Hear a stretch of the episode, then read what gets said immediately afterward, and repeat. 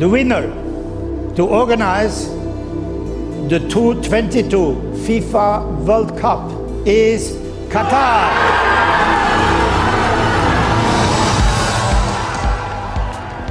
Varmt välkomna till VM-podden med Reis Mitt namn är Rasim Reis och eh, det har blivit dags för bronsmatch och VM-final.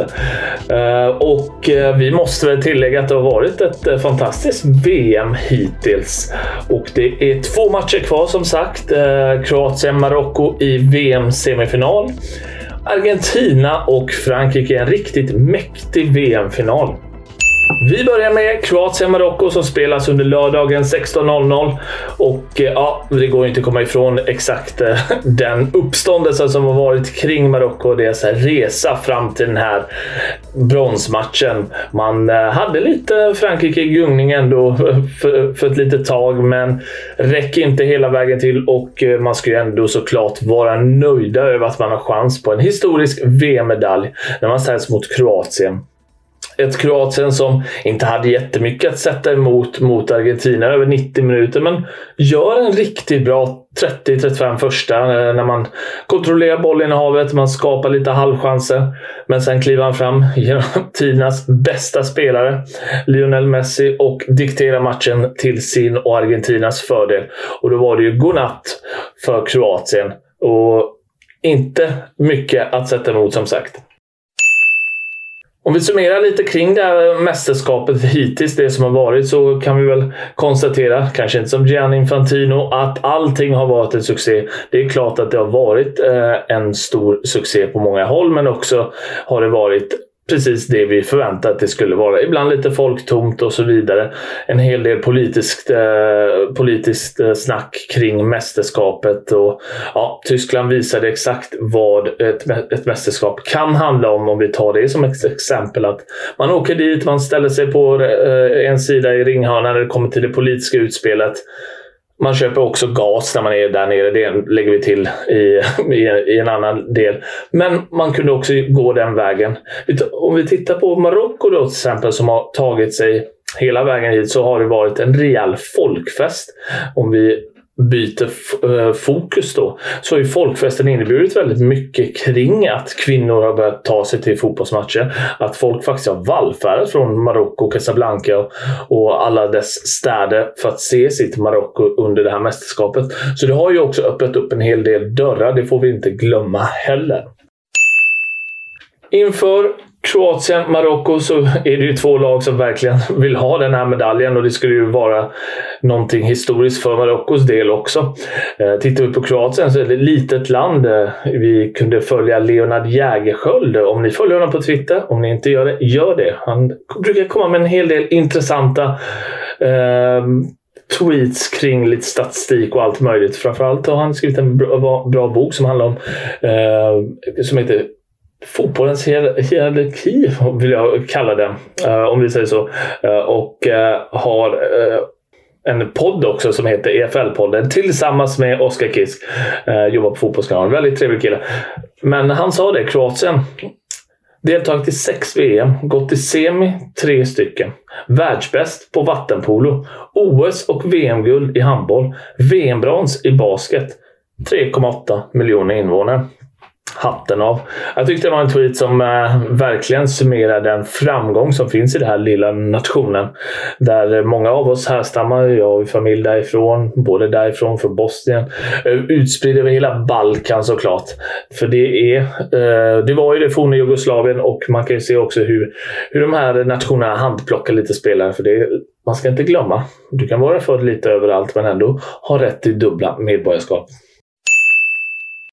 Som sagt, Kroatien, eh, Marocko. För Kroatien tog det ju tvärstopp eh, mot Argentina. De kunde ju aldrig riktigt hämta sig efter de hade Argentina hade fått in det första målet och sen kom det snabba eh, 2-0 målet som ett brev på posten. Men man gjorde en bra inledning i matchen, så frågan är hur man går in för den här matchen. Eh, det man ska ta med sig är att man har ju spelat förlängning två gånger eh, och vunnit på straffar. Och det är klart att eh, det kan ha spelat en roll. Jag är ju den som inte tror att det ska göra det, men det är klart att ehm, en extra halvlek eller så i benen sliter och mentalt också. Man har ju dock eh, ganska mycket byte, men man har inte samma kvalitet offensivt som man har haft tidigare. Vilket har gjort eh, att man har haft en hel del problem när det kommer till det offensiva spelet i matcherna. Man skapar lägen, lite halvchanser, men med Petkovic där fram, Kramaric, så är inte riktigt eh, den nivån man behöver för att eh, kanske rå på de allra största, till exempel Argentina. Här då. Ehm, men det återstår att se hur man ställer upp. Jag tror att man kommer fortsätta med samma eh, start, startuppställning som man har haft. Man är lite småfavoriter i den här matchen. Jag tycker inte att man ska vara det. Marocko kommer ha ett enormt stöd under den här matchen när det kommer till läktarna. Men vi måste ändå säga att Kroatien har imponerat och visat hur svåra de är att slå. Och det är en otrolig generation som man har haft och de har lämnat avtryck så det bara sjunger om de senaste två världsmästerskapen. Och som Leonard Jägerskiöld sa, det är otroligt med tanke på hur många invånare det här landet har. Marocko Marocko är det inte svårt att imponeras över. Jag tycker att man gör en riktigt bra insats mot Frankrike. Trots ett tidigt insläppt mål så visar man att man har kvaliteten i det laget. Ziyech, Bofal med flera. Ja, det är bara hylla och hylla ska de göras. De har ju redan stått för en bragd så att en medalj borde verkligen liksom så här, eh, ett körsbär på tårtan liksom, eller vad man ska säga. Så att, eh, men återigen, vi pratade om det eh, tidigare i podden, att eh, det finns nog en hel del slitna spelare här. De har gått runt på en hel del. Det har varit skador i truppen eh, och det kommer ju självklart att påverka laget i, sig, i, i, något, i någon form. Det man kan tillägga är väl att det skulle vara den här klassiska The Last Dance där de bara går ut, ger allt inför sina supportrar som kommer vara på plats. Så att det ska man ju också ta med sig in i matchen. Jag tycker fortfarande att det är en lurig match eh, kring eh, eh, Kroatien-Marocko. Eh, inte enklaste liksom att säga om vad som kommer hända. Jag har dock fokuserat lite på olika speltips. Alla speltips hittar ni på racebet.com. Och glöm inte, när, om man har problem med spelare, känner att man inte riktigt har koll på läget, då finns det verkligen hjälp att få. Spelpaus.se eller stödlinjen.se är att rekommendera om man känner så. Tittar vi på Marockos väg till det här VMet så har man ju verkligen imponerat. Det jag kommer fokusera lite mer på kring det här spelet är ju deras hörnor. Man har förlorat egentligen varje match, alltså hörnstatistiken i matcherna, vilket är intressant. Jag tycker ändå att Kroatien eh, skapar en hel del fasta eh, situationer om man tittar på statistik. Och kommer nog spela så eh, under den här matchen där man har bollinnehavet med Luka Modric, Brozovic och eh, Ja, den tredje tappade jag namnet på här, men Luka Modric, Brozovic och Kovacic på mitten. Så, som kommer vara dominanta som de har varit under turneringen. Och man kommer vilja komma runt med en Sosa på kanterna. Eventuellt kommer uh, få se vem som spelar på vänsterbacken. Lite oklart innan uh, lagen släpps såklart. Det kan ju vara Vesalko och det kan ju vara Vida som springer runt där, men det hoppas jag inte. Han brukar ofta spela mittback.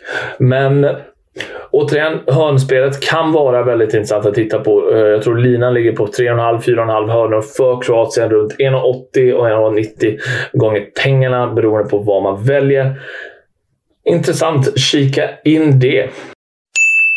Inom kort är det också dags för Argentina-Frankrike. En podd kommer kring det och en liten tävling som vi ska basunera ut. Eh, på våran Twitter, vilket blir självklart jätteroligt. Och det har varit ett fantastiskt mästerskap hittills, i alla fall för min del. Jag har kollat en hel del. Uh, om vi ser till det fotbollsmässiga så har det varit en blandad kvalitet må jag säga. Men eh, att vi får avsluta eh, VM med en final av Argentina och Frankrike, ett Frankrike som ja, har eh, varit riktigt bra. Argentina som har sin Lionel Messi som kanske ska bli historisk och den främste spelaren genom alla tider. För mig är han fortfarande det oavsett hur, det, hur eh, den här matchen slutar. Men såklart är det ju så att eh, får han lyfta den här bucklan då, då är han odödlig i mångas ögon. Sen finns det de som tycker att Maradona är odödlig och det får de tycka. För det är en, man får tycka precis som man vill. Det är inget fel med det. Eh, det är bara att eh, jag tycker så. Och sen får man tycka annat. Vi hörs snart inom kort igen. Eh, jättetrevligt att ha er med. Och så laddar vi upp inför Kroatien, Marocko nere i Qatar. Eh, det var en riktigt underhållande match som vi håller tummarna för. Och lite, lite extra för Kroatien såklart. Ha det gott!